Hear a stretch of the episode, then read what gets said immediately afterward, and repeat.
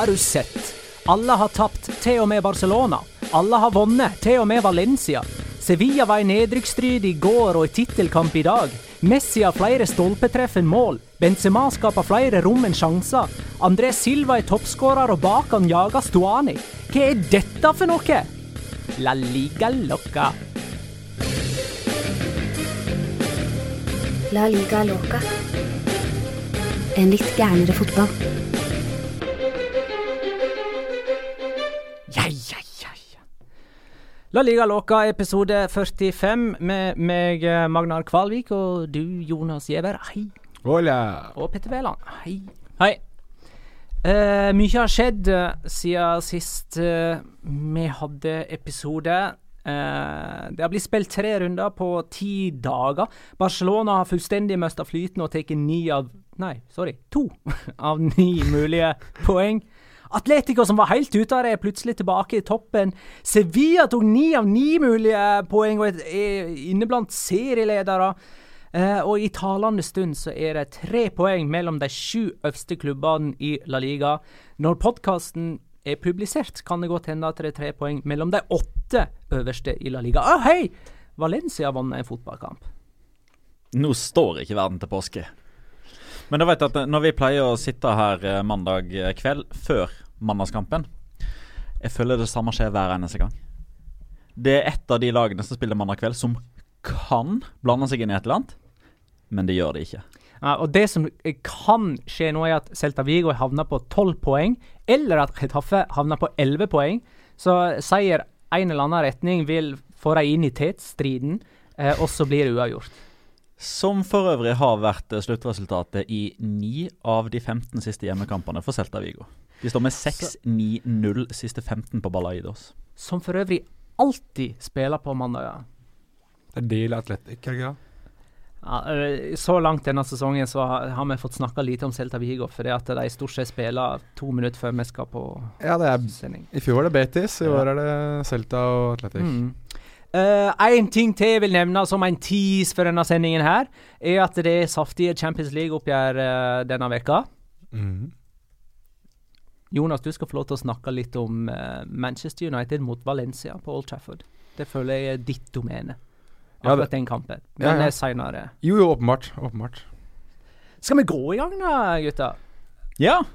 Gidder du, Petter, å snu den eh, Mac-en der litt, grann, sånn at jeg bare ser eh, tidskoder? ja. Behind var the scenes ikke, her nå. Ja, det var egentlig ikke sånn som skulle deles med folk, Nå men skulle eh, jo du tatt bilde, Jonas, sånn at de hadde fått Kjøre livestream på Kjøre li livestream på podkasten en gang. Sånn at folk får se all den jobben jeg gjør underveis i podkasten. Skal kanskje snakke om det fotball. Ja. Barcelona Athletic 1-1. Det var få dager etter Leganes Barcelona 2-1. Uh, nå er det fullstendig krise. Eh, på Twitter går folk eh, bananas, og eh, Arne Gudmundsen spør Har Valverde fått sparken ennå? Er, han Er det han som er nye Mitchell? Det kan nesten se litt sånn ut. Uh, vi har fått ufattelig mange spørsmål om akkurat uh, Barcelona-ståa. Skal vi ta og gå litt dit? Eller har dere lyst til å oppsummere litt først? Det er ganske mye fotball. da Oppsummere to serierunder som vi på en måte må Ja. skvise inn i en her. Så det er vel kanskje lurest å starte på toppen. Vi, vi kan godt ta eh, litt sånn eh, det som har skjedd. Og det er jo at Barcelona, som leder mot uh, Leganes uh, Dette var onsdag forrige uke. Uh, opplevde at Leganes snudde det på ett minutt med to skåringer, mer eller mindre. Med sånne ting som uh, piké-tabbe og, og det som verre er. Eh, og så lå de òg under mot Atletic. Og hvor mange kamper har de da ligget under i til sammen nå? Eh, de vant 3-0 mot Alaves i den første, så der lå de jo ikke under. Så vant de 1-0 mot Valladolid i den andre, så der lå de heller ikke under. Eh, men så lå de under mot Uesca. Da skåra Cocho Hernandez etter tre minutter. Stemmer. Den snudde de jo ganske greit, og vant 8 8-2 til slutt. Eh, så lå de under mot Real Sociedad og snudde. Og så lå de under mot Girona. Altså Først så leda de, og så lå de under. Altså 1-0 til 1-2, og så 2-2. Og så lå de under i de to kampene de spilte denne uka. Fire, da. Mm, Legger under ganske hyppig. Og de lå òg under mot Sevilla i eh, supercupen. Det gjorde de. akkurat nå klarer jeg ikke å huske Jo, de møtte PSV i Champions Ja, League og lå aldri under. Nei. Mm. Så et eller annet halter jo, og eh, Sven Arne For å ta det der først, da. Sven, Arne spør eh, hva i all verden har skjedd med midtforsvaret til Barcelona.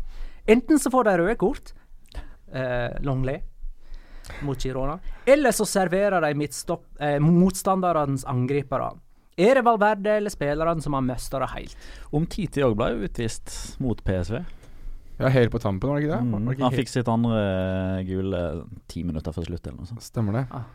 Stemmer det- Nei, Og så er vel han skada nå. Han er skada, så han er vel heller ikke med mot, uh, mot Tottenham, Jeg jeg. så no, ja, og jeg så en statistikk, jeg tror det var Oppda, som uh, hadde en statistikk på at eh, Barcelona har vunnet 83% av kampene han har spilt, og bare 50, drøyt 50 Mm. av de han ikke har spilt. Ja, og det gikk jo òg en lang, lang periode før de i det hele tatt eh, Hadde, Altså, du hadde en liste de på hadde, i ikke, fjor. de hadde ikke tapt, de, uh, med Omtiti på banen. Ja. Så de Mm. første, de første 35-40 kampene, et eller annet i den Du jeg hadde diskutert det her, husker jeg.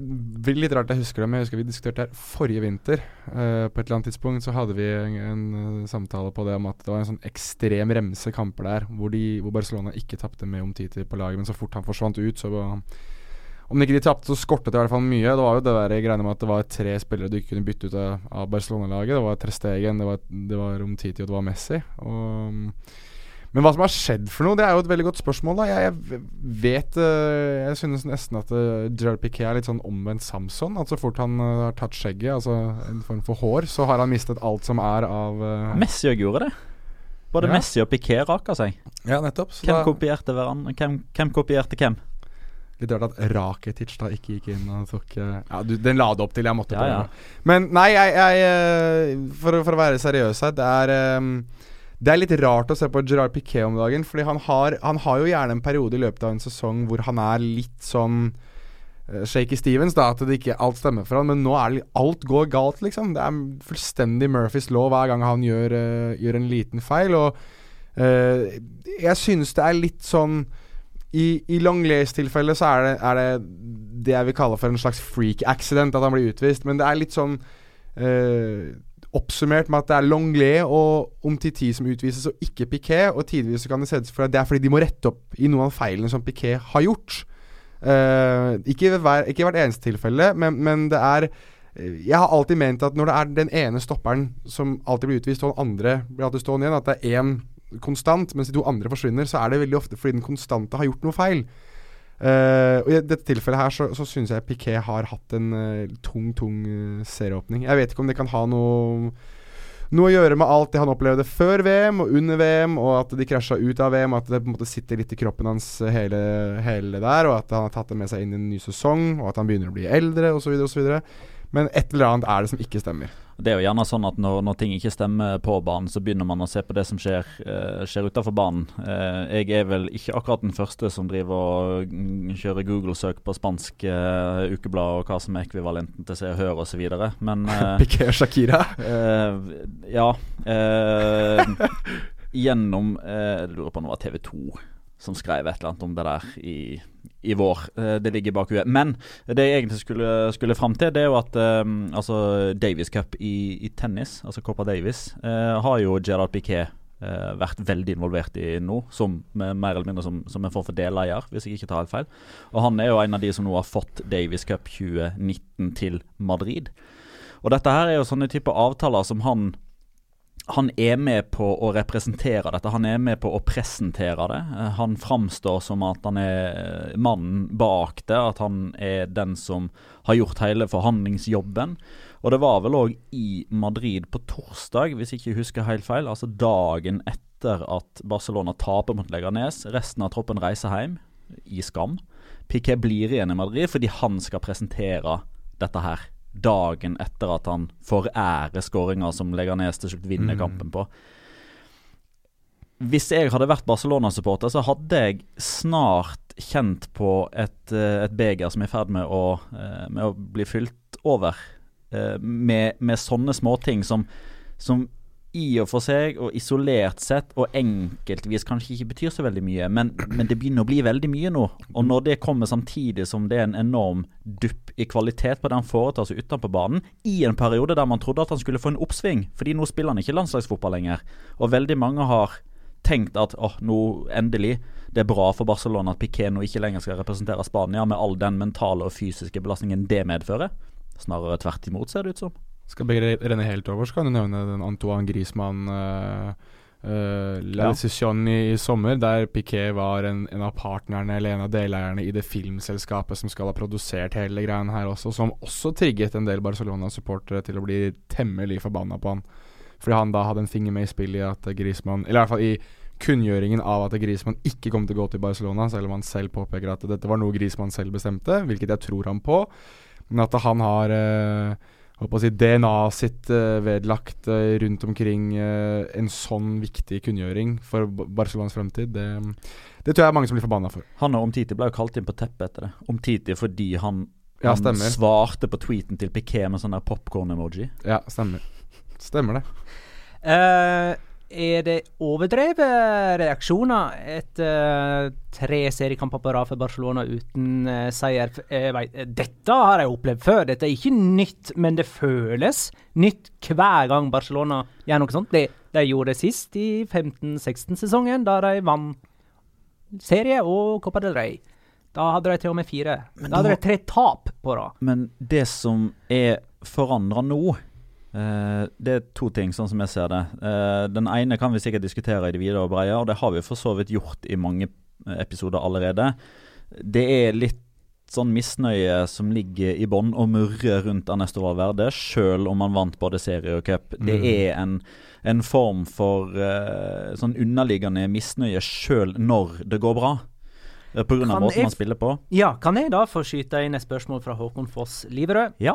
Liverud Terje? Liverød? Nei, det var Liverud. Okay. har Valverde tilført Barcelona offensivt Hva har Valverde tilført Barcelona offensivt, om noe? Uh, det virker mer og mer tilfeldig, det som skjer offensivt. Og um, det eneste gjenkjennelige mønsteret han ser, det er Messi, Alba, Messi. Den trekanten der. Ja da. Den, er, den, har vært der noen år. Den er, den er der fortsatt. Ja, men den, Resten. nei, men den har vært der nesten altså, Meskion Klubb og Johan Cruyff og sånt og Messi Alba, det er jo ting som du på en måte forbinder litt med Barcelona nå. Det har vært der i en, i en årrekke. Men jeg synes det, det spørsmålet der, da, er eh, hvis, du, hvis, vi tenker litt tilbake, hvis vi nå, hvis vi nå eh, begynner en slags form for tidslinje med fra 2000 og Det er ganske greit å gjøre det fra 2008-2009-sesongen. Da er vi, da er vi ti år tilbake, altså ti sesonger tilbake. Det er da Guardiola er han starter. Og la oss nå være såpass ærlige og si det at vi har mest sannsynlig ikke sett noe bedre offensivt fotballag, eller lag generelt sett, enn det Barcelona-laget til, til, Guardiola. Mm. Alle som har kommet etter Guardiola, har ikke kunnet tilføre noe sånn særlig nytt til det Guardiola-laget, føler jeg. Altså det, alt har blitt en form for nedgradering, for det var så bra uansett. Og det er jo der veldig mange har da lagt lista, for det er der veldig mange kanskje forelsket seg i Barcelona. Selvfølgelig, du har Ronaldinho, og du har noen som kommer før det igjen også, men der ligger lista. Og når lista er tidenes beste, så vil alt bli dårligere etterpå.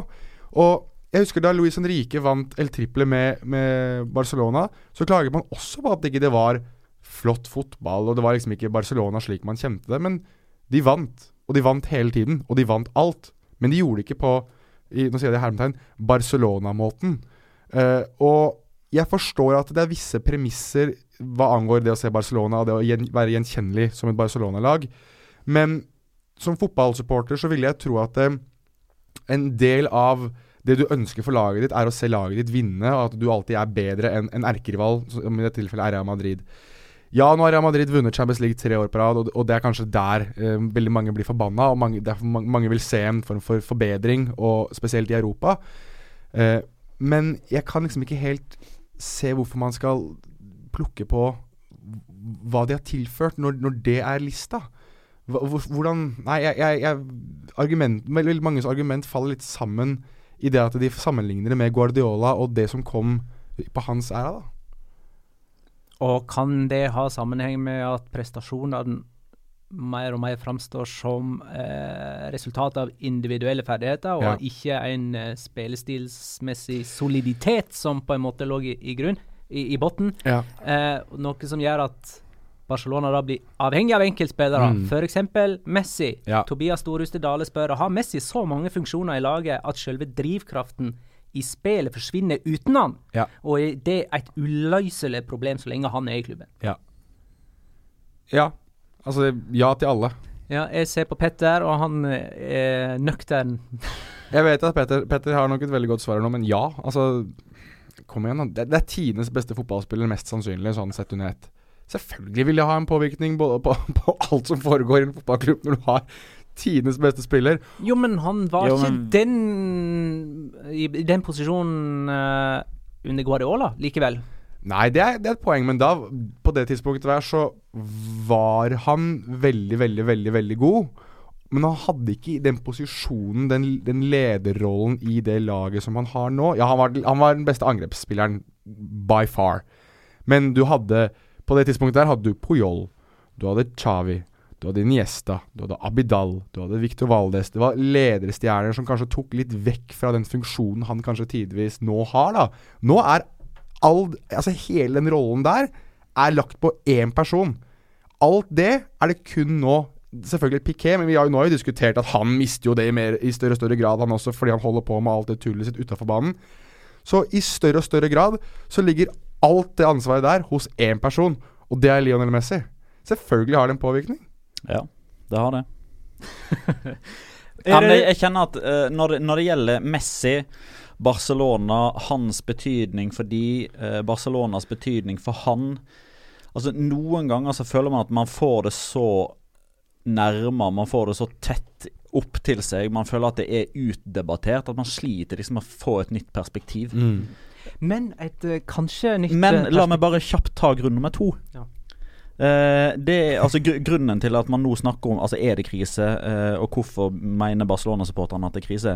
De formsviktene som vi snakka om tidligere, eller som du henviste til i 15-16, Jeg, ja. ja, det var midt i sesongen. Mm. Dette, dette er i begynnelsen av sesongen der grunnlaget skal legges. Og noe Barcelona har vært enormt flinke til, så er det å prikke formen tidlig Enig. og sørge for at etter 10-12-14 kamper, så har de hatt 10-12-14 seire.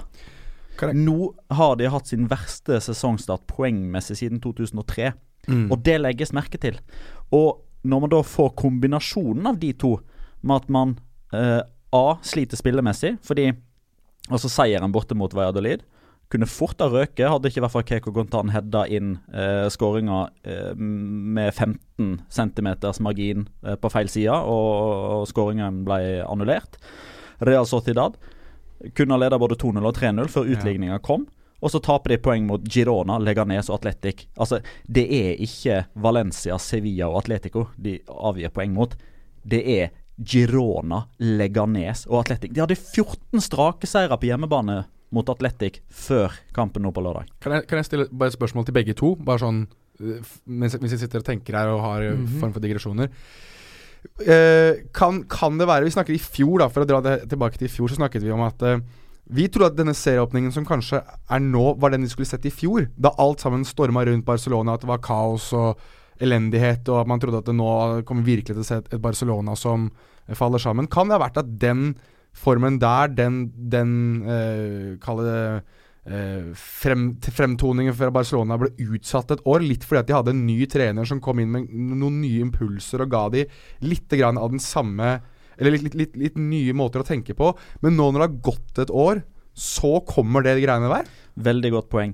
Eh, det veldig mange sa når eh, Eller da eh, Ernesto Valverde fikk jobben Perfekt mann for Barcelona. Men det var perfekt mann for Barcelona anno sommeren 2017, når Luis Henrique skulle erstattes. Fordi eh, selv om han gjorde det resultatmessig ganske greit, så satt man òg igjen eh, av et inntrykk om at han ikke fikk det fulle potensialet ut, spesielt i midtbaneleddet. Så der hadde man òg et eller annet som man følte eh, en ny trener, nesten uansett hvem det var, Ja. kunne komme inn og forbedre. Det var sjokket etter Neymar.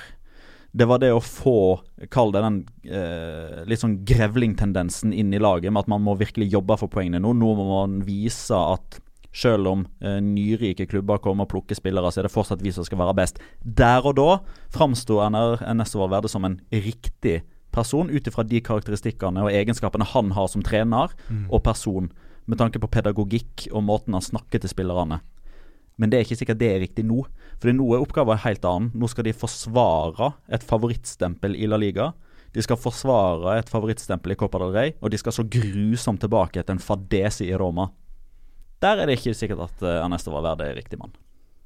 For øvrig, når det gjelder poengtap uh, Det har egentlig vært en tendens i flere år at de mister poeng mot lag fra Nederland. Eller sånn som Forrige sesong der de tapte mot Levante. Jo, men ikke tidlig i sesongen. Nei, Forrige sesong så sto- Forrige sesong så sto de med 12-2-0 etter de første 14 kampene. Poengtapene Ja, ja. var borte mot Atletico og Valencia. Helt klart. Uh, men jeg har, jeg, jeg har ikke lyst til at vi skal forlate Messi helt, jeg. For uh, i det nye perspektivet, det som jeg prøvde på for fem minutter siden uh, jo større rolle Hass har blitt i Barcelona Altså Han har hatt en stor rolle lenge, men først og fremst som en, eh, en som skal prestere. Nå er han på en måte en større lederskikkelse.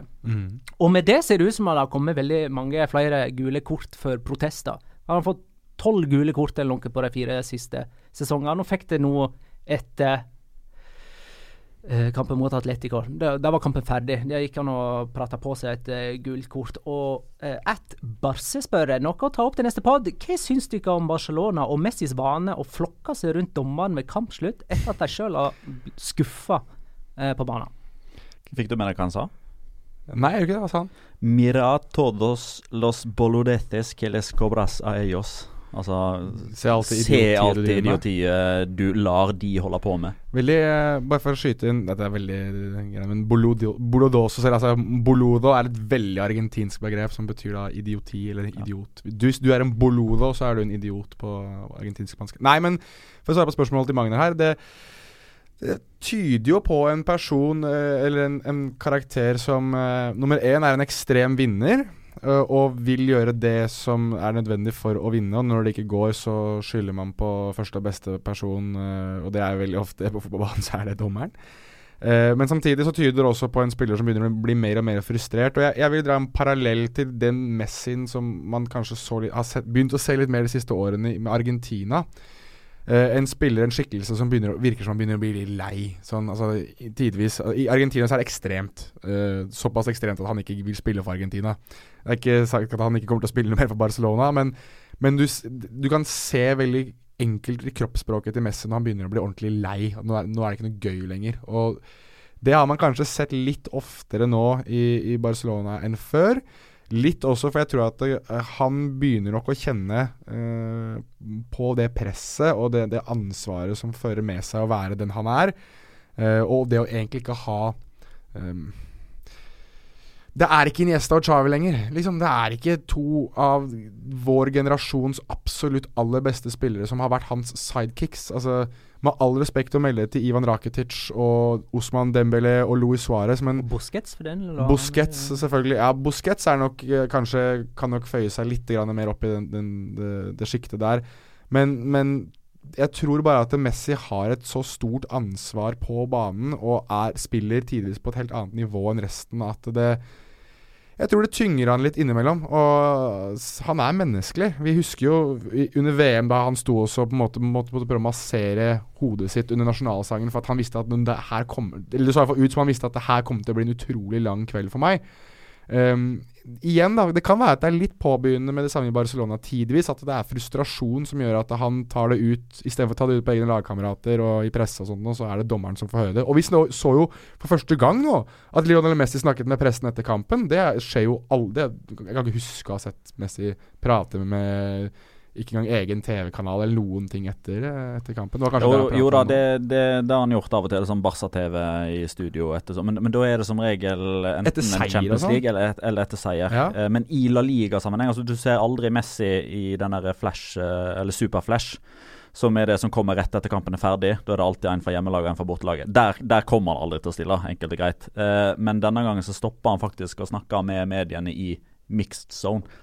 Eh, og de som følger Barcelona tett Altså Det var ingen av de som liksom husker når det var forrige gang. Altså Det var noen som liksom beskrev hvordan det hadde vært i, i pressesonen. For det vanligvis uh, Altså De første typ fem-seks årene da så hadde de jo flokka seg rundt han. Messi, Messi, Messi! Uh, que piensa sobre Bla, bla, bla. Nå bare lar de han gå. Og denne gangen så hadde han altså igjen altså Det var ingen som liksom hadde tatt seg bryet med å få han til å stoppe. Det er sånn noen som liksom Ja, hva syns du om dommeren? Eller noe sånt.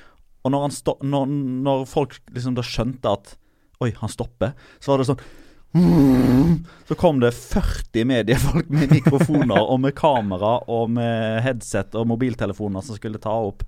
Uh, så det var ganske spesiell seanse der. Og det forteller jo òg litt, da. Fordi jeg tror ikke han hadde så veldig lyst til å prate. Han bare tenkte i dag skal jeg snakke med pressen.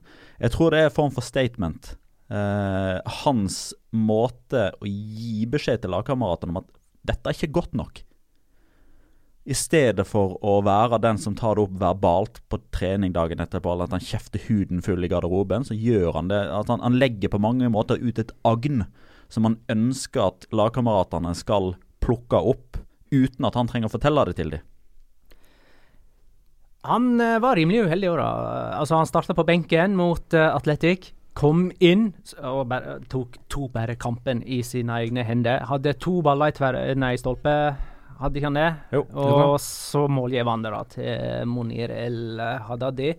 Um, jeg var jo skråsikker på at Barcelona skulle ta seks poeng mot Leganes og Atletic, og dermed rykke fra Real Madrid og eller Atletico. Uh, jeg har fått uh, tilbakemeldinger på det. Jeg var ganske feil spådom.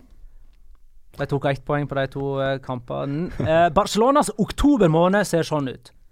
Tottenham borte, Valencia borte, Sevilla Inter og Real Madrid hjemme.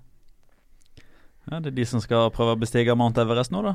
Real Madrid har jo ikke klart det. De stoppa eh, på en av de der eh, basestasjonene lenger nede i fjellet.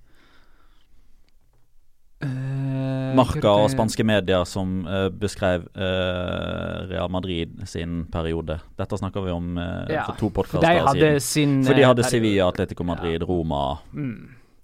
Uh, er dette gunstig tidspunkt for Tottenham eller, å møte Barcelona på? Nei. Er det noe Barcelona skal svare? Mener du? det er jo det, sånn mm. egentlig. Fordi Altså For en som er opptatt av uh, tall, statistikk, algoritmer, sannsynlighetsutregning og, og sånt, så tilsier jo ethvert Barcelona-feilskjær at sjansen for at de går på et nytt et i neste kamp, det minsker for hver kamp som går. Det er ren og skjær logikk. Altså at Barcelona, ja, ikke... at Barcelona tar poeng i ny og ne, greit. To på rad. Sjeldent tre på rad. Hallo, fire på rad! For to år siden. Ja, uh, men, da, men, da, men da stopper det. Da stopper det. Stopper det på tre. Tre tap, ja. Oh, ja, så nå stopper det på tre, fordi at for to år siden ble det fire? Nei.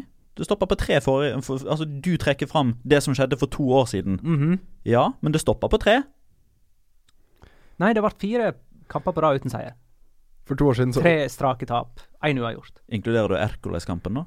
Sikkert. Jeg så på Ja, det, den, den, teller ikke i min bok, Fordi da gikk de videre med 7-1 sammenlagt, eller hva det var for noe. Men eh, du sitter nå her og er skeptisk, eh, Jonas.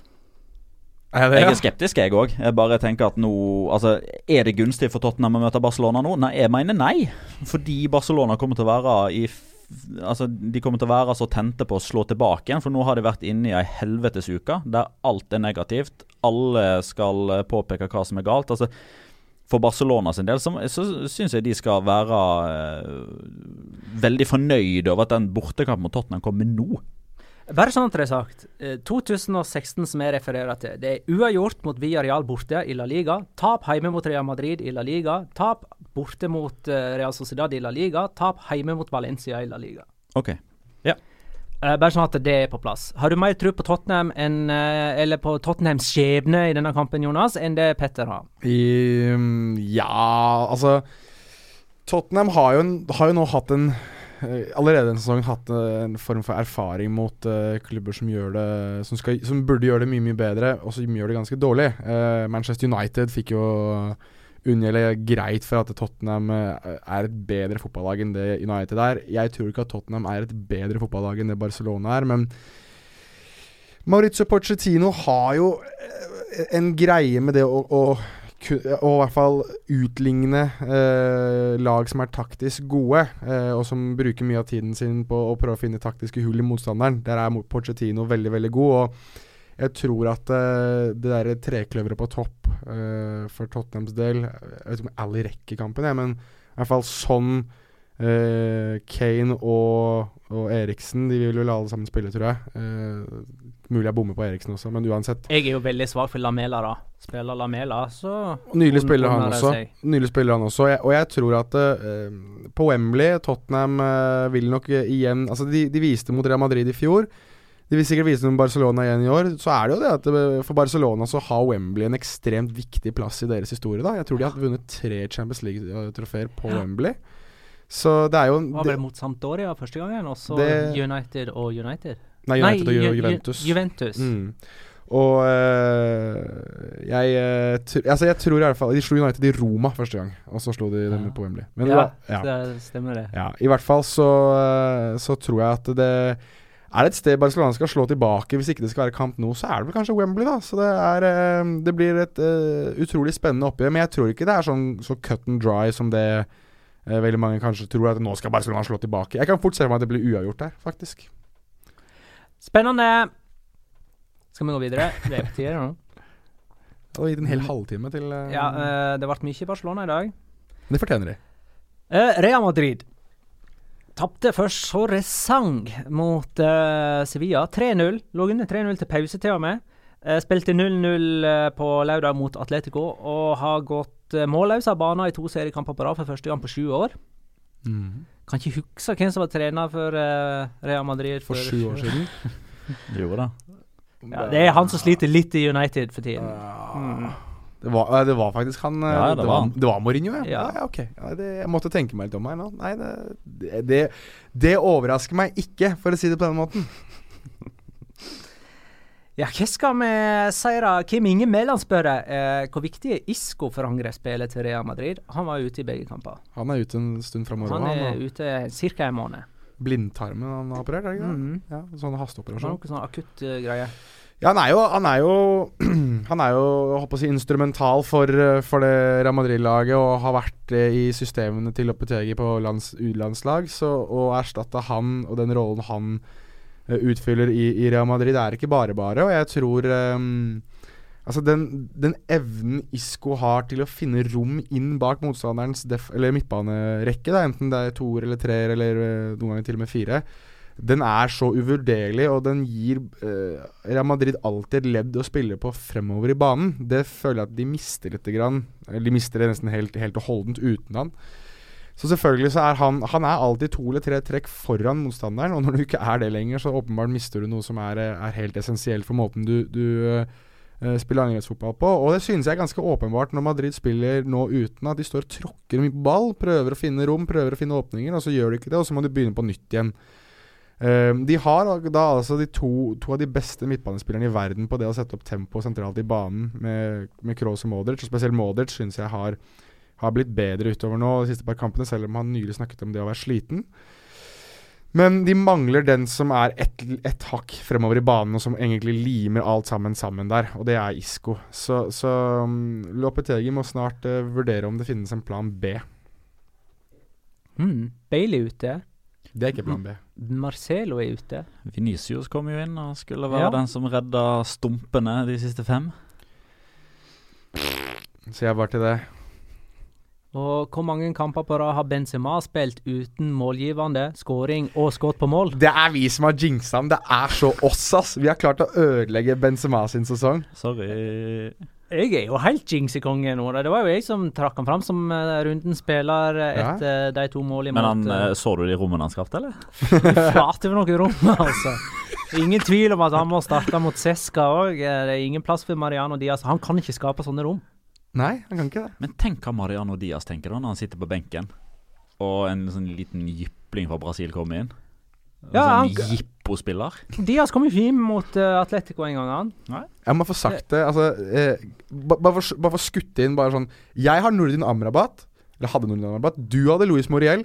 Petter har hver eneste brasilianer som kommer til Real Madrid. Bare sånn dere er klare over det. Hvis, det, hvis du er fra Brasil Nei, nei, nei, nei, nei, nei, nei. Unggutt som, Ja. ung som er kjøpt som 16-åring. Som, ja, ja Altså, samme om han er 16, 17 eller 18, så lenge han er ung og ikke kommer til klubben før året etterpå Jeg tror 18 så kan du det, men ja, jeg skjønner jeg skjønner det han til. Da er det mange premiss.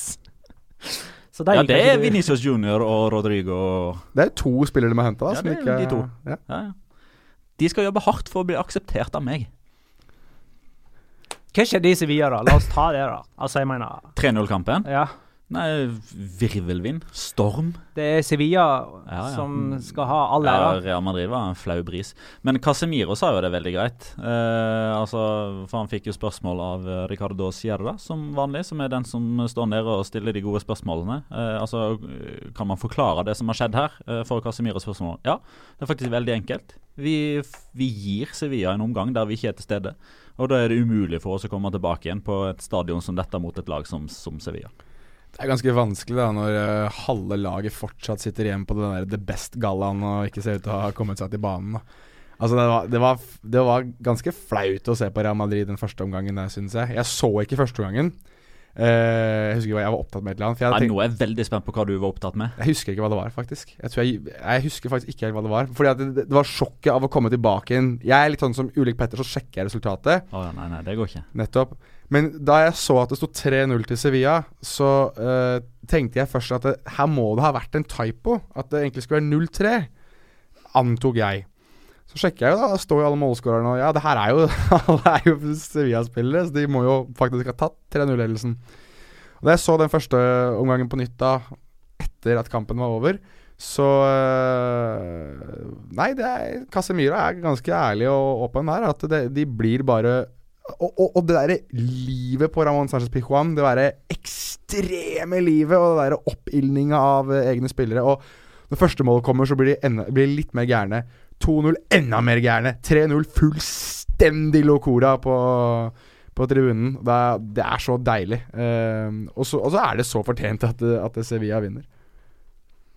Uh, Madrid-derbyradet da. For meg, altså, det levde ikke helt opp til Men igjen, altså fordi Altså, the best, altså 2016, 2017 og 2018 Madrid har jo tapt de tre kampene som Ja, er spilt etter de tre.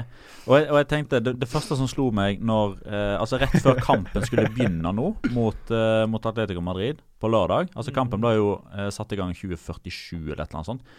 Fordi alle de som vant et eller annet på det der The Best-greiene, skulle vise det typ ti sekunder før dommeren blåste. Du så jo Luka Mordic blant annet. Altså han, var, han, han kunne ikke vært mindre interessert i å vise fram denne greia her, da, som jo helt åpenbart er eh, det, det er klubbvalgt. Altså Her er det klubben som bare Altså, hallo, hele verden ser på. Den skal du vise fram rett før kampstart.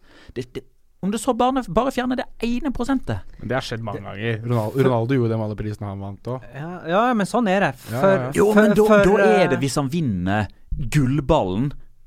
Eller Nei, nei, en av de nei, nei, nei. virkelig, virkelig store der. Nei, nei, Altså, jo, jo, jo. For- Altså, Ser, Sergio, Sergio Ramos eh, var jo borte og viste fram at han var den beste forsvarsspiller. Altså, dette her er de der eh, Kall det delkåringene som ble vist fram nå på, eh, på Ja, lørdag, det i tillegg til Luka eh, Modric, som vant den Det at de kom på Fifa-laget, eller The Best-laget, eller noe sånt. Og Cristiano Ronaldo er liksom Det er noe annet. Altså At Cristiano Ronaldo viser fram det at han ble kåret til årets far på Madeira i 2013. Ja vel. Det er Cristiano Ronaldo. Men- det er òg marketing. Ja, men for, for Real Madrid så er spillerne trofé. Mens for spillerne så er det selve trofeet som er trofeet. Men eh, det, det er Real Madrid som viser fram sine fem trofeer der, altså. Du, Cristian Cristiano Ronaldo har mye større problemer om dagen enn å være far på Madeira. For å si det sånn. Atletico Madrid, ja, det er sant. Uh, men Men, nå, det, nå det, er for, jo, får, eh, det får pastaball snakke om. Det får nesten de støvelballer de tar. Ja. Ja. Uh, Lykke til. Atletico Atletico med tre kamper på rad uten baklengs. Er det, er, er, er det tilbake igjen? Er det Simione Atletico vi ser? Ja, vi anbefalte han jo å gå tilbake igjen til å være litt grevling. Ja, er, er de der nå? Snudde for øvrig mot Monaco. Ja, de vant jo 2-1 der. Mm. Jeg regner med at de tar seg greit av Klubb Brygge på onsdag. Og da, de, da har de fått den stimen. Da, nå har, og nå har jo nå har det jo blitt servert muligheten til å komme inn igjen i gullkampen på et sølvfat av Real Madrid og Barcelona. Så nå, eh, nå er det bare opp til de sjøl å, å klare å ta vare på det. Og altså Atletico Madrid har jo de har jo hatt et kampprogram som eh, Det er ikke det vanskeligste, eh, for å si det mildt. Altså De har riktignok spilt borte mot Real Madrid og borte mot Valencia. Og borte mot Celta Vigo. Så bortekampene de har hatt til nå, eh, har jo vært eh, litt tøffe. Men, eh, men hjemmekampene, der har de jo tatt to poeng mindre enn hva de burde. De har Betis på hjemmebane nå, og så har de Viareal borte. Viareal sliter de enormt. Altså Uansett hvor dårlig Viareal er i kampene før Atletico Madrid enten kommer på besøk eller står som vertskap for Viareal, så tar Viareal poeng. Så um, de har fortsatt en jobb å gjøre, men bevares. Vi eller, jeg skal ikke nødvendigvis dra dere ned i Sølo sammen med meg. Eh, jeg satt jo her og sa at det var helt fullstendig uh, utopi å tro at Atletico Madrid skulle vinne alle liga etter den uh, seriestarten. Det er fantastisk. Så. Det er sånn Ti dager siden så var de sju poeng bak Barcelona og lå på niende. Nå er de to poeng bak og ligger på fjerde. Alle har vel tapt én, og alle, alle, har minst tapt og vunnet i La Liga nå. Ja. Det er jo ganske deilig, da. At det er en liga der du liksom ikke har ett eller to lag som bare er fullstendig suverene. Det er Og sånn så det ut uh, som for ti dager siden. Ja, nettopp. Uh, et lag som jo uh, vi allerede har nevnt, men som altså er på tredjeplass og som hadde, har gått enda lenger vei enn Atletico de siste ti dagene. Sevilla lå på tolvteplass, åtte mm. poeng bak Barcelona. Nå er de nummer tre, ett poeng bak Barcelona. Tar ni poeng på de siste tre kampene. Det er full pott. Slo Ja, ja. Og hva var det jeg fant ut? Uh, ja, fra null mål på tre kamper til 17 mål på fire kamper. Ja, For nå tar du med Standard Liège-kampen. Ja, ja, det gjør jeg. Så de har jo fire, fire strake seire. Ja, det er sant. Mm. Enda bedre. Enda bedre. Uh, Sivert uh, van Morik sier Hvem skulle tro at uh, det som måtte til for Sevilla og Bønna vinne, var å bruke Ben Yedder? Revolusjonerende av Pablo Machin. Hvem skulle tro det? ja, ja. Kan hende Machin har hørt på La Liga Loca. Ja, det Jeg skal ikke si så veldig mye om Jo, ta, ta denne, da. Ben Yedder sammen med, Sevi, med Silva ja. De, de har skåra 11 av Sevillas 16 mål i La Liga. Nå plutselig er Banega begynt å bli tomålsskårer i hver tredje kamp i snitt. Ødelegge tribuner med skåringene sine, gjør han nå. Ja, tenkte Nei, men altså det, Hva skal man si? Altså Vi snakket om hele forrige sesong, egentlig, om Bissam Benjeder. Og de er et helt annet lag med han på banen, altså. Ja. Det, og er ikke det gull å ha de to? De er jo så, altså André Silva og Ben Yedder de passer jo så godt til sammen. Ja. Det er jo to forskjellige spillere som ja. utfyller hverandre. Altså Ben Yedder gjør all jobben, og Silva får all æren.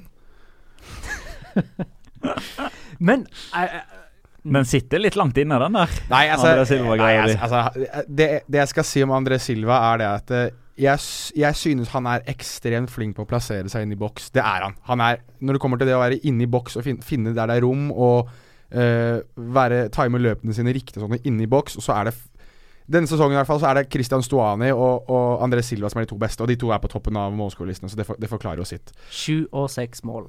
Stemmer. Uh, men jeg synes at det, hvis du skal se på en spiss som gjør mer på banen, altså, som på en måte er, er mer med i oppspillsfasen, og som gjør mer helhetlig, så syns jeg Wissam Ben Yedder er bedre. Men så har jo jeg og Petter nylig hatt en diskusjon om um, om Juanmi f.eks. i Real Sociedad. Der spørsmålet er hva er Juanmi egentlig god på? Og så er svaret ja, han skårer mål. Men hva mer? Må du, ha, må du, være bedre på noe mer når du har spist? Du skårer mål. Det er jobben din.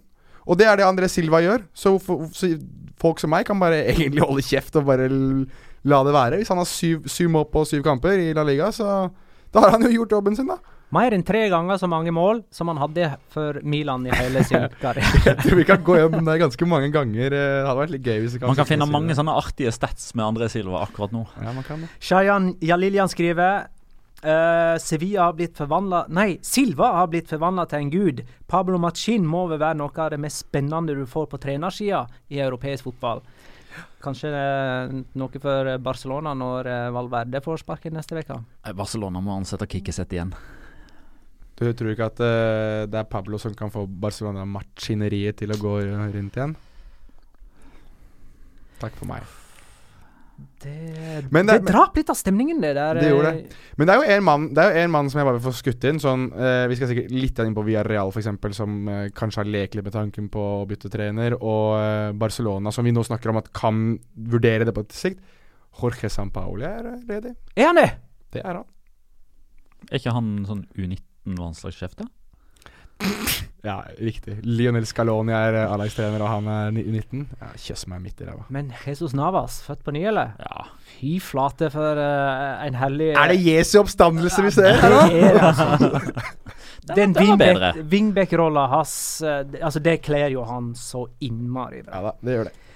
OK, de neste minuttene skal vi dedikere til eh, Valencia. Det er ikke så mye å si om uh, Jo, det er, det, er mye å si. Ok, ja, ja. Uh, fordi at de vant sin første kamp og møter Manchester United på Old Trafford. Er dette det gunstige tidspunktet for Valencia å møte Manchester United på? Ja, det er Altså For alle så er dette det mest gunstige tidspunktet å møte Manchester United på. Altså Det blir jo ikke noe bedre enn det her. Det er full furore, og ingen liker treneren, og treneren er på vei ut, og han, han trener jo, eller altså Han må ha resultater for å kunne beholde jobben sin, og selv om han sikkert får de resultatene, så er sannsynligheten ganske stor for at han forsvinner uansett. Uh, og Og det er noe med at når det går tungt med Mourinho, så snur det ikke Altså, da, det blir Nei. bare tyngre og tyngre og tyngre. og tyngre. det har aldri blitt bedre med Mourinho. Nei, når, når han først blir gretten, så Ja, får ja. han aldri humør igjen. Nei. Det er følelsen jeg sitter Og med. nå er han ødelagt. Altså Er han ødelagt nå, faktisk? Nei, det er ødelagt, sa ja. jeg. Det, for, forholdene med Pogba, og, og i dag var det nevnt at uh, I hvert fall skrevet i engelsk presse, og det er jo litt hipp som happ, som at Alexis Sanchez også er, er forbanna på han. Og da er det liksom Du er den største stjerna, den som blir- betalt mest. Er begge to forbanna på deg. Da de har, altså Si hva du vil, men de to spillerne har nok en ganske stor innflytelse på resten av laget. Så selvfølgelig for for Valencia så, så er det gunstig, og nå fikk de en god opplevelse nå eh, mot Real Sociedad, som aldri er eh, et enkelt lag eh, å møte. Og i, og i tillegg er, møter de dem på bortebane, og de vinner. Eh, ikke nødvendigvis den beste kampen jeg har sett fra Valencia overhodet. Og det er jo Neto som har vært opp med en fantastisk eh, strafferedning for at de faktisk holder de tre poengene. Men jeg tror det blir veldig veldig spennende, og jeg gleder meg til det der narrativet som kommer til å skapes av Pogba mot Kondogbia, når uh, Kondogbia mest sannsynlig danser rundt Det Er Nei, det var egentlig ikke et morsomt forsøk. Altså, det var ikke et forsøk på å være morsom. Den, Det der var verre enn mitt i stad, altså. Jeg bare får sagt det til dere begge to. Uansett, når Kondogbia ødelegger eh, Paul Pogba på Old Trafford, eller tilsynelatende gjør det, for Pogba er ikke motivert, så gleder jeg meg til alle dere eh, nyhetsartiklene og overskriftene i, i engelsk presse. Um, nei, men jeg, jeg tror eh, Jeg tror at Valencia fort kan stjele med seg et poeng fra Old Trafford. Jeg tror ikke de vinner, men jeg tror de kan stjele med seg et poeng. Johannes Aline er i kjempehumør. Oi! Er det for mye å, be om at vi spretter champagnen på vegne av uh, Valencia nå når de endelig har vunnet en fotballkamp? Ja, hvis jeg hadde hatt Oi, champagne her, så Ja, der gjorde vi det. Ja. Den, den var så overbevisende, den uh, lyden, at uh, Takk. Chris Robin Eriksen spør jeg, hva måtte til for at Lato skulle bli utvist mot Real Sociedad? Alt Ja, fytte rakkeren. Fy. Der, der, der var det kun Pitti som gjorde at uh, han ikke ble utvist. For de som ikke så det, så fikk uh, Lato uh, gult kort. Skal vi se, var det etter 11 minutter eller noe? Eh, det tror jeg det var, ja. Uh, Venstrebekken til Valencia, og siden så hadde han altså i alle fall to helt på kanten til gule kort før pause. Og så, og så lagde han straffe etter eh, pause, som òg var veldig nær et eh, gult kort. Eh, og, og så redda Neto den straffen. Og, og Neto, vet du, han har redda tre av seks straffer i La Liga og er helt på Diego Alves-nivå, ikke sant. Ja, ok. Eh, Diego Alves var flott i Valencia, han, så han kan, godt eh, se det en gang til. Han hadde jo 50% sånn redning på straffe, cirka. Eller noen av dem gikk utafor òg, men uh, Det var han som sto der. Det var han som sto der. Ja, ja, ja. Moro for Gameiro, som skåra sitt første mål. Cheryshev med målgivende. Bachuay mistet første mål også i den kampen før mot Celta Vigo. Ja, OK, igjen. så nå er det Gameiro og Bachuay, eller, og da er Rodrigo og Santimina eh, ute. Nei, De har altså, fire gode spisser, disse her. ja, jeg sjekka bare for å ha det helt uh, riktig for min egen del litt tidligere i dag, og det er ett mål nå på Batshuay, det er ett mål på Gameiro, det er ett mål på Rodrigo. Eh, Santimina har da ikke rukket å skåre mål ennå, så på Av de få skåringene som Valencia har, så er det de tre har, har ett mål hver. Og det er jo igjen Det er jo helt uh, lotto hvem som skal starte eh, på topp der. Jeg eh, synes fortsatt eh, Altså, Rodrigo burde, burde ha det høyeste toppnivået av de, av de tre, da, tenker jeg nå. Santimina er litt sånn Han er nok en backup-spiss, mens jeg tror Batshuay er kanskje den som utfyller ham best, da. Eh, og kanskje ligner noe mer på eh, den typen Sasa var. Så jeg vil, jeg vil anta at det er de to de burde satse på, men så er vel Å, nå må dere hjelpe meg hvis jeg tar feil, men er ikke Batshuay venstrebent, han også? Eller er han høyre? Nei, Er han høyrefotet, kanskje? vent litt. Han, bank, han banka ballen i stolpen og i huet med høyre, tror jeg det var. Jeg prøver å se for meg den der eh, Og han dunker den til eh, Ja, stemmer. Ja. I VM. Ja. Nei, han skåra med venstre mot Celta. Ja, det er det Han jeg kom tenker på. Jo, jeg lurer på om du har rett, eh, Jonas. Du forklarer kanskje hvorfor han dunka den ballen i hodet sitt uh, isteden. Men i hvert fall, hvis, hvis han er venstrebent, da, det er jo en sånn greie Eller uh, Transfermarkt har han som høyrefot. da Uansett hvilken fot han er, jeg tror at de må finne en som klarer å utfylle Rodrigo i, i større grad. Da, og eh, jeg vet liksom ikke helt uh, hva de kan se på nå når de ikke har den energien til, til Sasa. Om det er en som skal ha høyrefot, en som skal ha venstrefot, eller, eller hva det nå er. Men, Mm. men nei, jeg, jeg, jeg tror og håper for Valencias del at det er Bachuay, for han har det høyeste toppnivået. Men du tror at de tar poeng på Old Trafford, var det det du sa? Jeg sa jeg tror at de øh, har muligheten til Å det. ja. OK. Du var såpass Nei, altså, reservert. Okay, Man Manchester United er bedre, men hvis Valencia noen gang skal sjokkere på Old Trafford, så er det nå. Og Zinedine Zidane er neste United-trener. Det vil ikke overraske meg. Jeg lurer på om vi skal føre opp denne.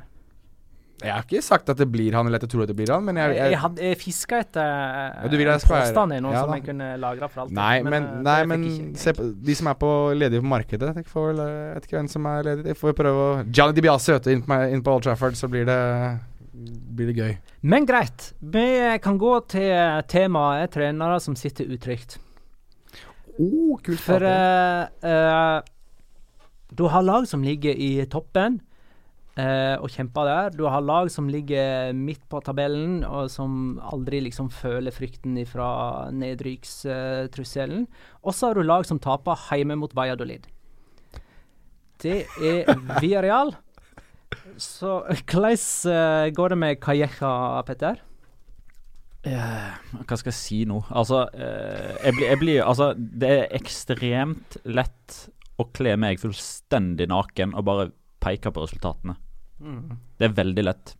Har du lyst til å peke litt på Gerard Moreno? òg? Eh, For eksempel, som har ni avslutningsforsøk, eh, som treffer stanga, og som treffer stanga igjen, og som bommer på straffe, og som header utenfor fra sju meters hold to ganger. Zappa men- meg selvtillit, han der. Men hvorfor får han ta den straffen?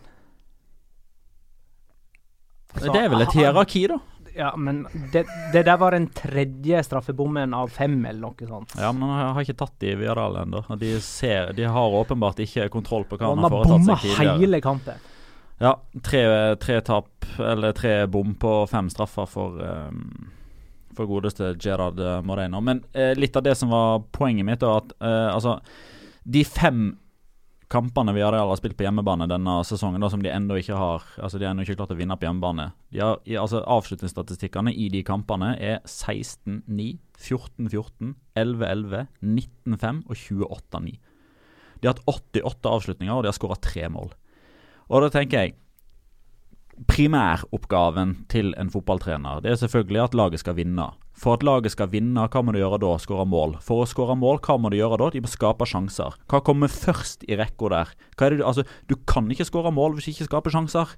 Det er treneren sin jobb å legge forholdene til rette for at spillerne, de elleve som er utpå der, med den formasjonen, med den taktikken, med den spillestilen, med den filosofien, skaper målsjanser, fordi målsjanser og avslutninger gir skåringer.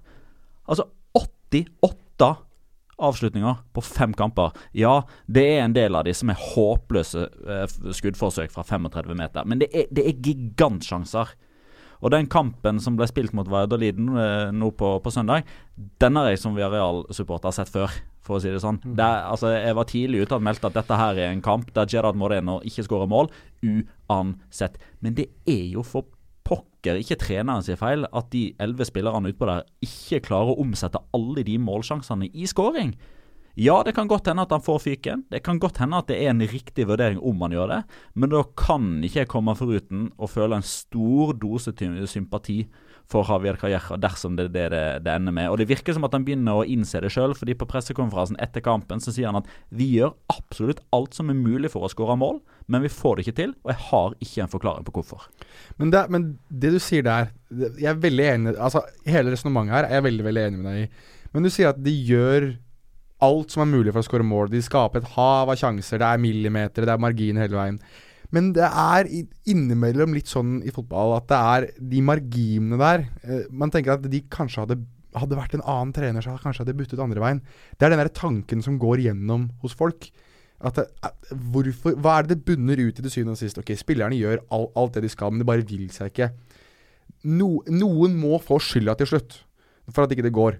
Og, det er han, og da blir det jo han som har satt opp alt dette her. Ja, Det er jo fotballens enkle dynamikk. Det Det er alltid lett å peke på treneren. Men det er derfor jeg sitter her og sier at ender det med sparken, så kan det hende at det er den riktige beslutninga, men da kan ikke jeg gjøre annet enn å synes fryktelig synd på fyren. Men, ja. Og helt konkret og kort, hvor nær er han å få den sparken? Nei, det er ingen som skriver om det. Uh, og det er egentlig litt merkelig, fordi det var, det var veldig nære ett år, eller toårsjubileet jubileet. Nei, ettårsjubileet for at uh, Franes Kriba fikk fyken etter 4-0 bort mot Retafe. Uh, og den trenersparkinga viste seg jo da å være korrekt, fordi man man gikk jo da eh, til, syvende og sist opp og tok en femteplass på, eh, på tabellen, eh, som var veldig bra ut ifra forutsetningene osv. Og, så og, det, og det er der lista ligger denne sesongen òg. Men jeg tror jeg, jeg, tror kanskje han hadde fått en tupp i ræva, hadde det ikke vært for at alle andre òg til en viss grad avgir poeng i begynnelsen. Altså, eh, poengfangsten til Villarreal, åtte poeng på sju kamper, ikke bra. Fem skåringer på sju kamper eh, etter en overgangssommer der de slår sin egen investeringsrekord to ganger med Ekambi og Gerard Moreno. Det er eh, tall som kan backe en trenersparking, men pga. at alle andre òg avgir poeng, så er ikke det altså Totalinntrykket er ikke så dårlig lenger. Men skulle det gå på tverke mot Español og Atletico Madrid i de to neste, da tror jeg ikke han sitter lenger. Bare fire baklengs, faktisk. Uh, Færrest av alle. Færrest sammen med Atletico Madrid. Uh, Leo Franco i Uesca, eh, sitter han utrygt? Ja. Det gjør han. han, han der er det sånn gjengs oppfatning. Uh, hadde de tapt mot Girona på Så søndag, så hadde han fått Mm. fyken. Eh, og han er òg en type som satt utrygt allerede fra første stund pga. avtalen han har. Eh, Ja. altså Han har jo jobba for Uesca uh, før han fikk denne jobben her, som form for sånn eh, Ikke ambassadør, men han var ansvarlig for noe relasjonsbygging med, med klubbene i området, og og òg ha kontakten med Segunda og La Liga når, når den tid kom. Eh, når Robi valgte å ikke bli med Uesca opp, han takka ja til Español i stedet, så sto man liksom igjen med Eh, man sto igjen uten hovedtrener. Man hadde Leo Franco som da hadde tatt noen sånne kurs innimellom. De fant ut at eh, ingen tror på oss uansett. Vi er den mest soleklare underdogen i La Ligas historie, nesten. La, la oss gi han et forsøk. Kanskje er det det som blir Og så blir det et genitrekk, og så snakker alle om den flotte historien vår. Og så koster det nesten ingenting å gi han fyken, for da går han bare tilbake til den rollen han hadde før. Eh, og det er, altså Vi snakka nettopp om han, Franes Griba er en av de som nevnes som mulige avtakere, sammen med Det hadde vært litt kult å få han tilbake igjen. Ektor Cooper. Å, herregud.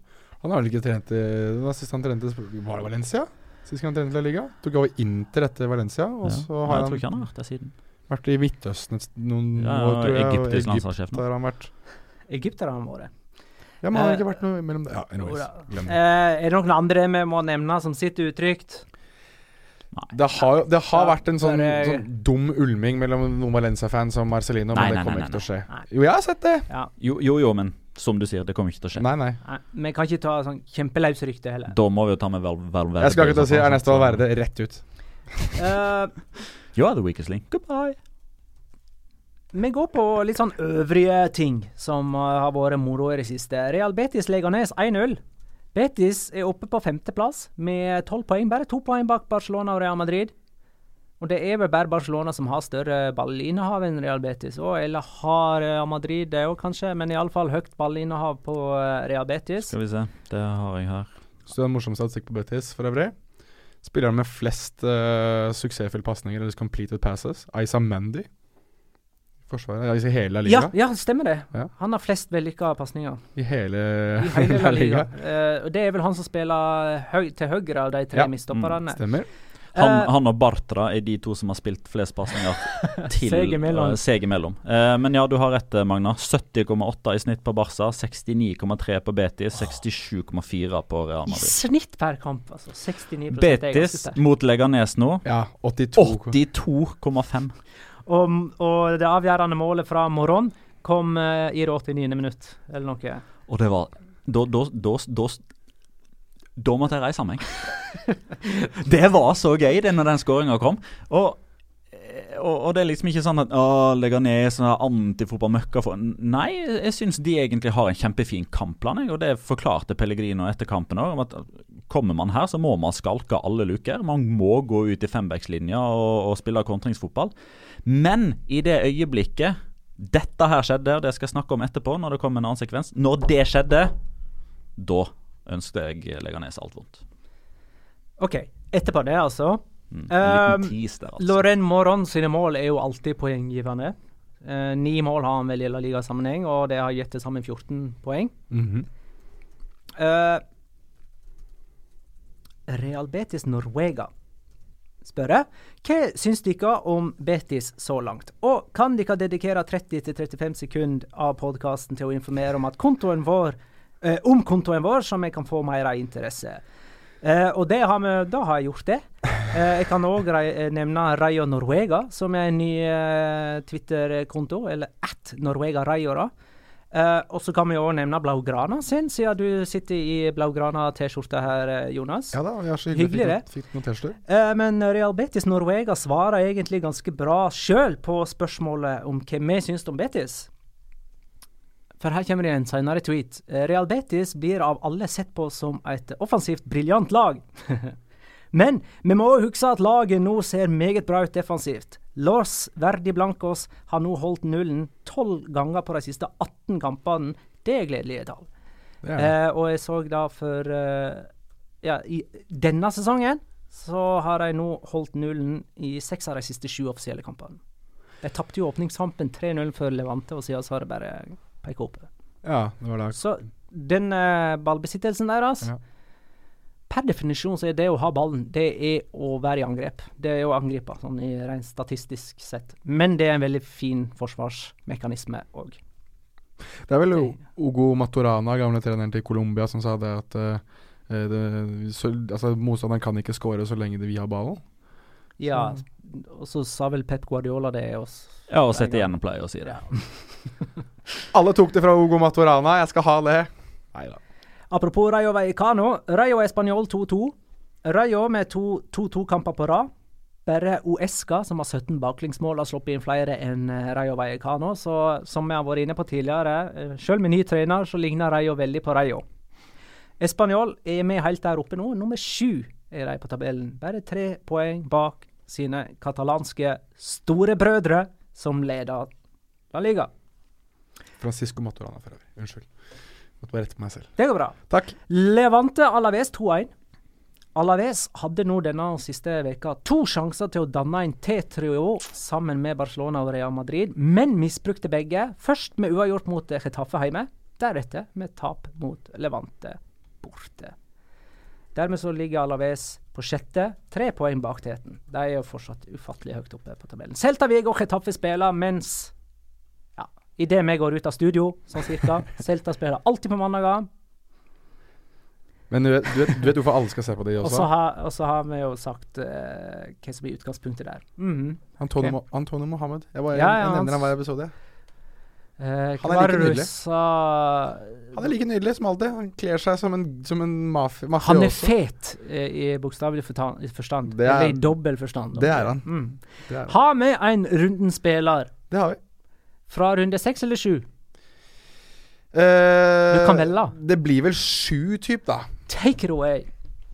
Takk skal du ha. Skal jeg bare få det Sette meg litt opp her. Fotball er bare et spill. Det er bare 22 mann som løper heseblesende etter en ball.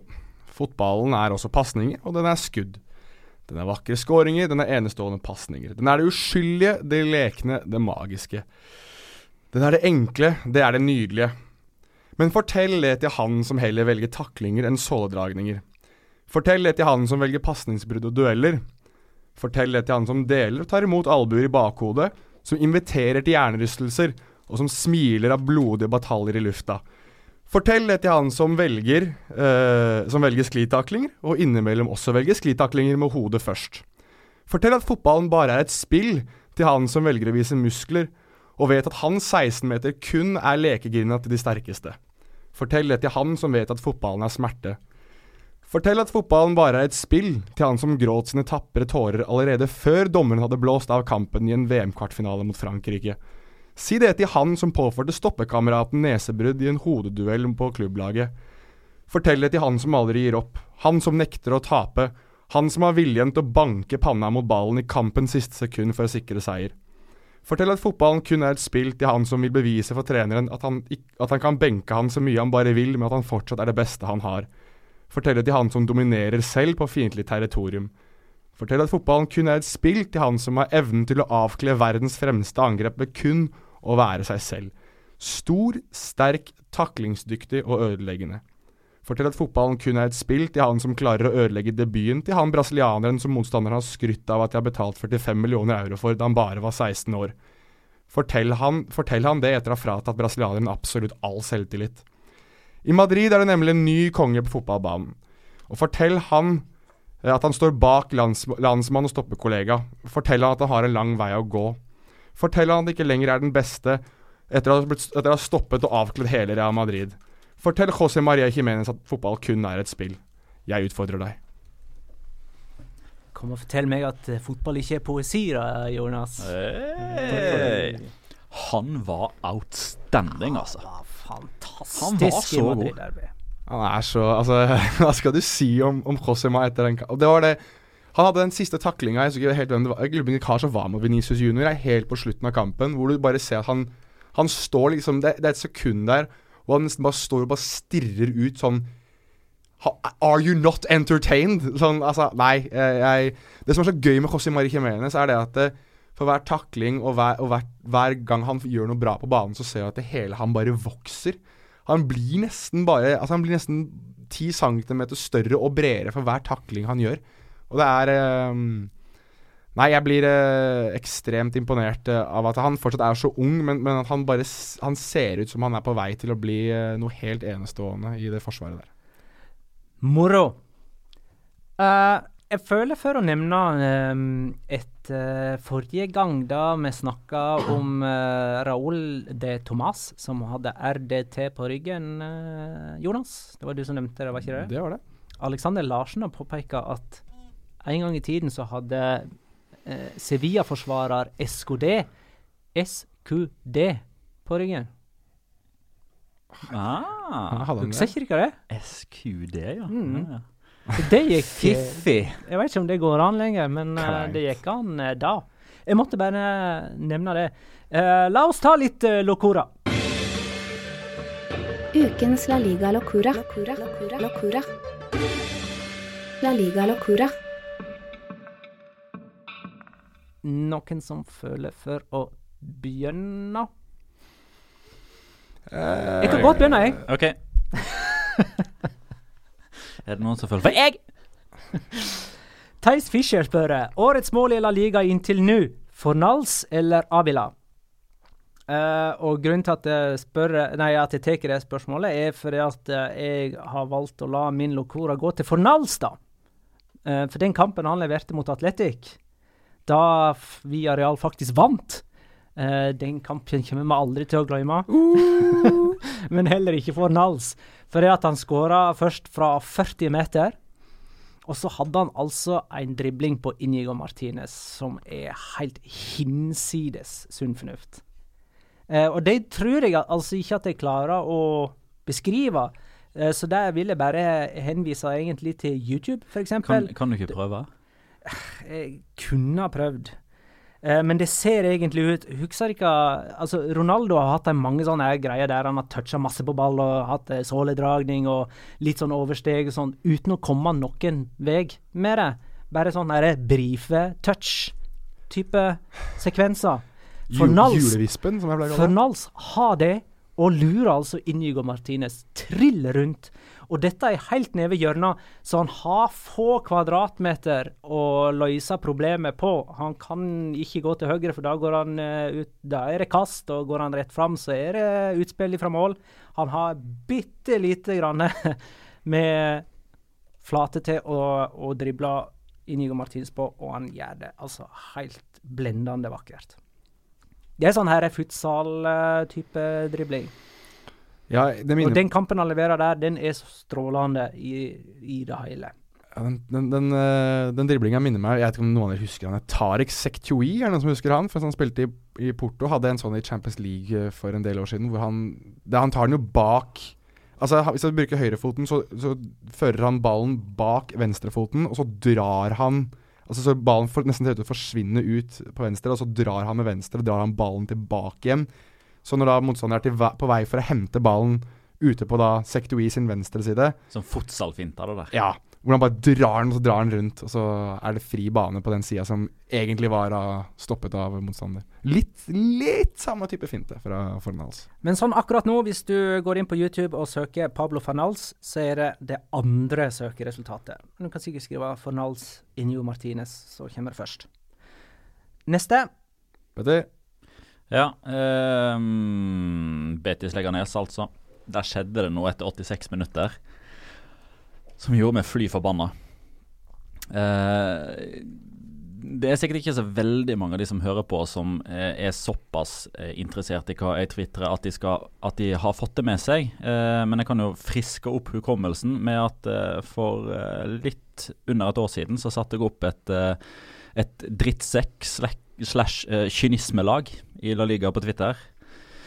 Og keeperen da, det var Ivan Ah. eh, Cuellar. Eh, keeperen på det laget kommer for evig og alltid til å være Ivan Cuellar. For han er eh, Altså, ha, han har to personligheter. Han, han er Dr. Jekyll og Mr. Hyde. Eh, han er én person når Leganes leder eller har uh, uavgjort, uh, og han er en annen uh, person når de ligger under. Når de ligger under, så skal han ha ballen raskt i gang. Han kjefter på ballguttene hvis de kaster ballen til han for seint. Ja. Men nå, søndag kveld, 0-0 borte mot Leganes etter eh, 86 minutter. Betis har hatt ballen hele tida. Ikke skapt sånn kjempemasse sjanser. Det er jo bl.a. fordi Leganes er veldig flinke til å dra ut uh, tida. Og det syns det, det, har liksom blitt en såpass uh, det har blitt så vanlig at jeg ikke lenger irriterer meg over det, med mindre det er ekstreme tilfeller, og dette var ekstremt. Uh, fordi det er Lauren Moron, tror jeg, som, som avslutter eller sender en pasning som blir for langt. Anyways, det skal være femmeter for Leganes. Han står klar til å ta femmeteren. Løfte opp høyrearmen og kalle til seg dommer. Dommer må da løpe bort til han. Og da forklarer han da åpenbart at han har eh, vondt et sted, han må ha behandling. Eh, og det, han har ikke vært i fysisk kontakt med noen. Det er ikke en redning, ikke en blokkering, ikke en duell. Ingenting. Ingen har vært i nærheten av han det siste halvannet minuttet. Men han må ha behandling. Inn kommer to eh, mann fra Leganes-benken. Eh, og Ivan Cuellar, han har fått tannpine. Han har vondt i tanna si så han må ha litt vann for å sprøyte vann inn i munnen. Og det kan han ikke gjøre med den vannflaska som han har inni målet sitt. Nei da, det må være en av de som, eh, som legger nesbenken løper ut mot han. Han klarer da altså å drøye med tida i 1 minutt og 35 sekunder. Så skal han ta femmeteren, og da løper han bort til ballen og flytter på han. Og gå tilbake en tre meter, få et gult kort, skaffe nye 20 sekunder, sette i gang spillet. Betis får tak i ballen og skårer 1-0. Fuck you, Cuellar. Han har noen gode redninger inni år, da. Ja, Den til Joaquin var jo Den- ok. ja. hold Gjør den, det, da. Den Hold nullen på den måten i stedet, da. For der var det Karma som kom med kraftige hoggtenner og beit han i ræva. Jonas! Ja, jeg hadde egentlig tenkt å ta en annen, for jeg forventa at noen av dere skulle ta den jeg eh, opprinnelig eh, skulle ta. Da, men da må vi nesten Dette her må jo nesten være vår Locora, denne, uh, denne runden her. Altså, for jeg kan ikke forstå at ingen av dere ikke tok den før meg. Uh, Eibar Sevilla. Eh, vi har jo ikke nevnt det engang. Altså, straffeskåringen til Jeg regna med at du skulle ta ned Locora. Ja, jeg Ok. okay. regner Ja, med ja, det. greit, greit. Nei, jeg hadde en helt annen greie, men uh, ok. Nei, jeg, jeg turte ikke ta det opp jeg nå etter den der passiv- passiv-aggressive tvitringa du holdt på med lørdag kveld der. Nei, ja, men jeg satt og jobbet med det her. Så jeg måtte, hadde du faktisk sett noe, så ville jeg gjerne ha informasjon så jeg kunne skrive noe om det. Kom igjen nå. Anyways, Ever Banega uh, setter inn uh, straffespark til 2-0 etter 59 minutter, time typ. Så uh, skal han bort for å feire med de, de tilreisende Sevilla-sporterne, og så Altså uh, Jeg håper å si knuser, eller blir tribunene ødelagt fordi alle sammen stormer ned. Eh, De lener seg mot rekkverket. Ja, de lener seg mot rekkverket, og så gir det etter. Og, Uh, det, det, det, det som No er laughing matter. uh, Nei, det er jo egentlig ikke det, men samtidig så er det Altså, er dere helt korka i huet alle sammen som gjør det der? Altså uh, Det som er litt gøy, syns jeg, sånn er reaksjonen til Evi Banega. For det går fra å være sånn Ja, vi er 2-0! Og så, når han ser liksom at det, det hele knuser foran han, så bare Uh-oh. ja, så, er sånn, «Uh-oh», så løper han hele veien bak to eller tre spillere, for det liksom detter Ja, Han Springer og gjemmer seg, liksom? Ja. Det detter liksom to mann eh, foran han eh, borte ved tribunen. da Og ja, det, det siste jeg leste, var at det var ti stykker som i hvert fall hadde skadet seg, og så var det to stykker som var blitt kjørt til uh, sykehuset med lettere skader, liksom, etter kanskje noe brudd eller noe sånt. Noe, etter, um, etter dette her. Og igjen, det er vel Jeg antar at det er uh, Abar som fort får noe uh, Får noe bot eller noe, noe greier etter at uh, de, kanskje ikke de, de, disse tribunene er sikre nok. Kanskje de skal prøve å få de Rayo Vallecano-folka til å stå og hoppe litt på tribunene deres uh, for neste hjemmekamp. Dette, Men eh, dette gir meg en ny anledning til å dra Sogndal inn i eh, La Liga-parallell. For eh, dette skjedde faktisk på Fosshaugane midt på 90-tallet, da Brann var på besøk. Eh, Brann skåra, eh, og jeg sto faktisk ved Brann-fansen akkurat da. Ja, det forvilla meg inn dit på et eller annet vis. Eh, og trykket ble så stort på rekkverket at det bare datt ut. Det var ganske stor nyhetssak den gangen. ja. Nei, men da har det er eh, Eibar eller Fosshaugane og Iporoa er Ja. da eh, Jeg har sammenligna Iporoa og uh, Fosshaugane før, jeg, pga. på grunn av størrelse, f.eks. Men eh, Du har nå, en forkjærlighet for ja, Iporoa. nå, nå har Iporoa blitt større. Ok. Jeg utvida. Kunne kan jeg ta en kjapp ting til som jeg egentlig vil ta? Det går veldig fort. Veldig, veldig fort. Kjapt, kjapt. Uh, for jeg er ikke sikker på hvor lenge den lever. Men uh, du var inne på Inigo Martinez uh, i stad, Magnar. Og husker dere i fjor da jeg ha, på en måte utlovet en slags krig, eller startet en krig mot, mot Inigo Martinez, så at han ikke, lag ikke klarer å holde nullen med ham på banen? Du har hatt en vendetta der, ja. Ja. Jeg hadde spesielt det i Real Sociedad, så hadde det ikke like mye atletikk Jo. men ja, lite grann. Men jeg sjekket nå, bare for å være sikker. Han har spilt Han har, han har vært på banen i, eh, i 20 kamper, ligakamper nå, for Athletic. Tre ganger har de holdt nullen. Tre ganger.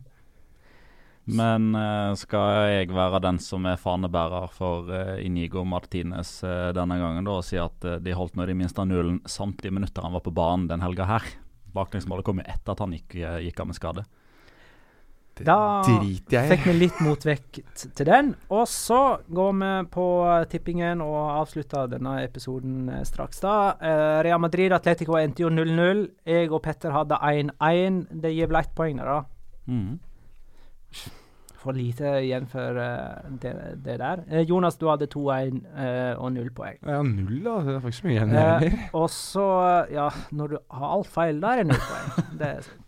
Mm, Kommende runde har en eh, For det første så er det jo basketderby, Atletic Real Sociedad allerede på fredag. Det er det. Og så er det tre skikkelig deilige kamper på eh, søndagen. Atletico Real Betis klokka kvart over fire. Sevilla Celta Vigo klokka halv sju. Og Valencia Barcelona kvart på ni. Er det kampen vår, eller? Jeg syns nesten vi burde ta basketderby, jeg. Baskederby, mm. Iris. Greit. Da kan uh, Ja, jeg, eh, jeg sier 1-1 igjen, jeg. Og uh, José. William eller Michael Sand? Nei. William Ah, William. Mm. Jonas? Nei, forresten. Petter. Atletic Real Sociedad 2-1. Og nå blir endelig San Mames forbannelsen brutt for Inyaki Williams. Jonas.